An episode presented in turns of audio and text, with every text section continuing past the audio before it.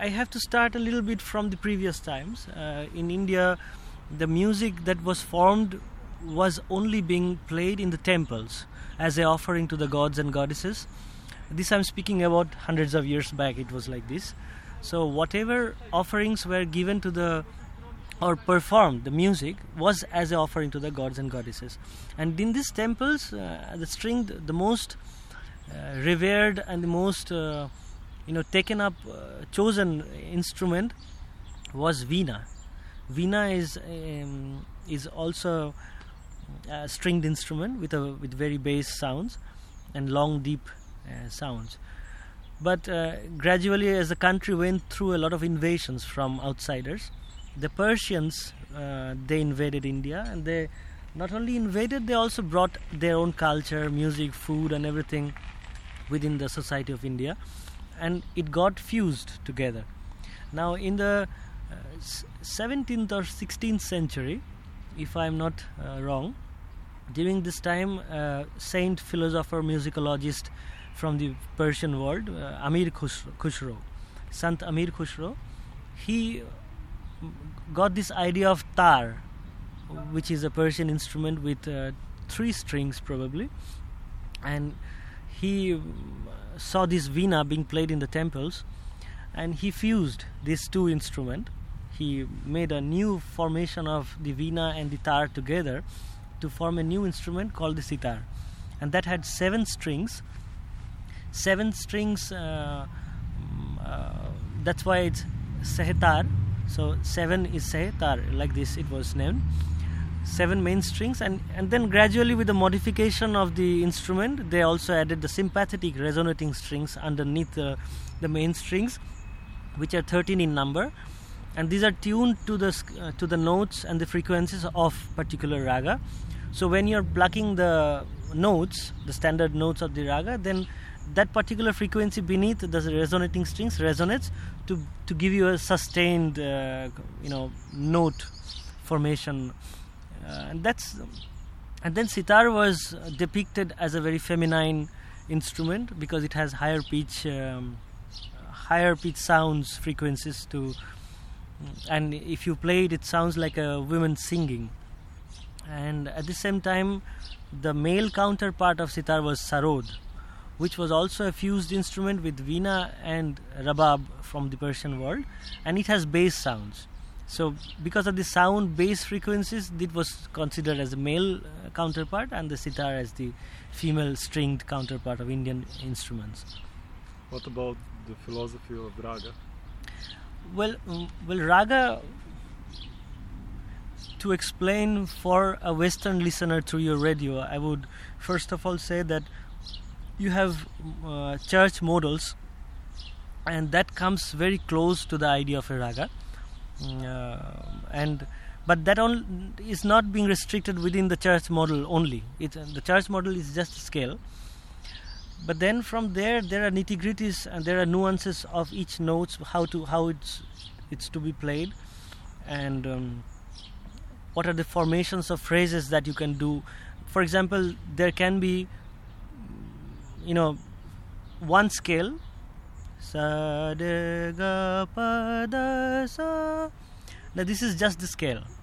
It's a pentatonic scale. You can have resemblance with Chinese music from because it's a pentatonic. You know, it forms a raga when you give certain character to it. With the same formation of the scale, you can. We have two ragas, for example. Da da da da da da da da da da da da. So I'm putting emphasis, uh, more strength on the third note. The riga, this one is the most important note, and this raga is called Bhupali.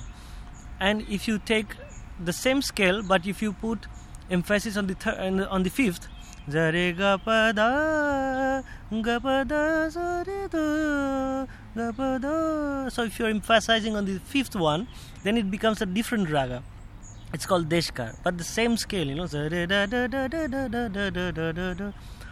so that's you know in a raga there are one important note and then the second important note and then so on the third important note and then there is the culmination uh, the idea of microtones in indian music so the uh, it's not only playing the standard notes but the notes in between to to create the mood the, to, to create the reflection of the idea of that particular raga.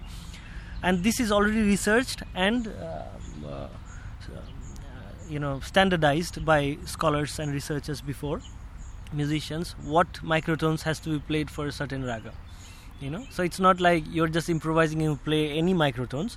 So for certain ragas there are certain microtones that has to be played in order to bring out the essence of the raga. Now as i'm speaking of the essence and the aesthetics of the raga that means we are playing this particular set of notes and phrases calling it as a raga but there is a purpose behind. What is the purpose? Is to generate the aesthetics. Now in indian music and art there there are several aesthetics that that is the goal to produce through through through dance through music through rhythm through writing. And these are the this was already mentioned in the vedas in the the earliest book of the world.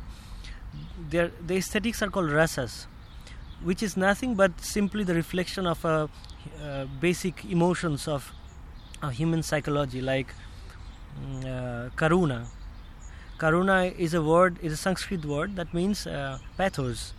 But well, pathos is just a term overall, but it can be of different sort of pathos. Love, for example, love can be of several forms of love existing in our world.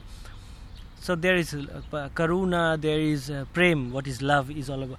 Uh, is it's called prem in, in Sanskrit, and there are other forms. You know, also, um, you know, krodha means anger. So these ragas, set of ragas, traditional ragas, are played in order to generate this sense of certain aesthetics or rasas. Either it's uh, love aesthetics, either it's uh, you know pathos, either it's uh, f- uh, you know anger or jealousy, you know something like this there are divisions of it you know in nine form of aesthetics and if you go more, too much theoretical then you can know all these things. But the ultimate idea is to create this shringar this rasa this aesthetics. So if i'm playing um, uh, raga puriya dhaneshri for example this means that i'm trying to evoke the senses the sentiments of of pathos. If i'm playing a morning raga well i will come to that the time division of ragas. If i'm playing a morning raga that means most morning ragas have this have these sentiments of devotion, spiritualism. Like you evoke a sense of spirituality, uh, a, a de- sense of devotion through this raga, and that you achieve by playing these already standardized notes, formation of phrases, and the microtone, the use of the microtones. Uh, now I said about the division of time within North Indian classical music system well, in India, there are two forms of classical music uh, existing. The northern part has its own, which is called Hindustani classical music, and in the south as well, which is called Carnatic classical music. The Carnatic classical music has remained as it was thousands of years back. No evolution has happened to this music because invaders didn't really reach south of India. Well, in the northern part of India, because of this Persian influence and a lot of other invaders coming and going out, we took their culture as well. So it got fused and fused, and with the t- with the time, the formation of the whole system of music also changed, and of course, uh, you know, it, it became much more refined. I would say, in a way, and and that brought the idea of frequencies of notes that has direct influence in the human psychology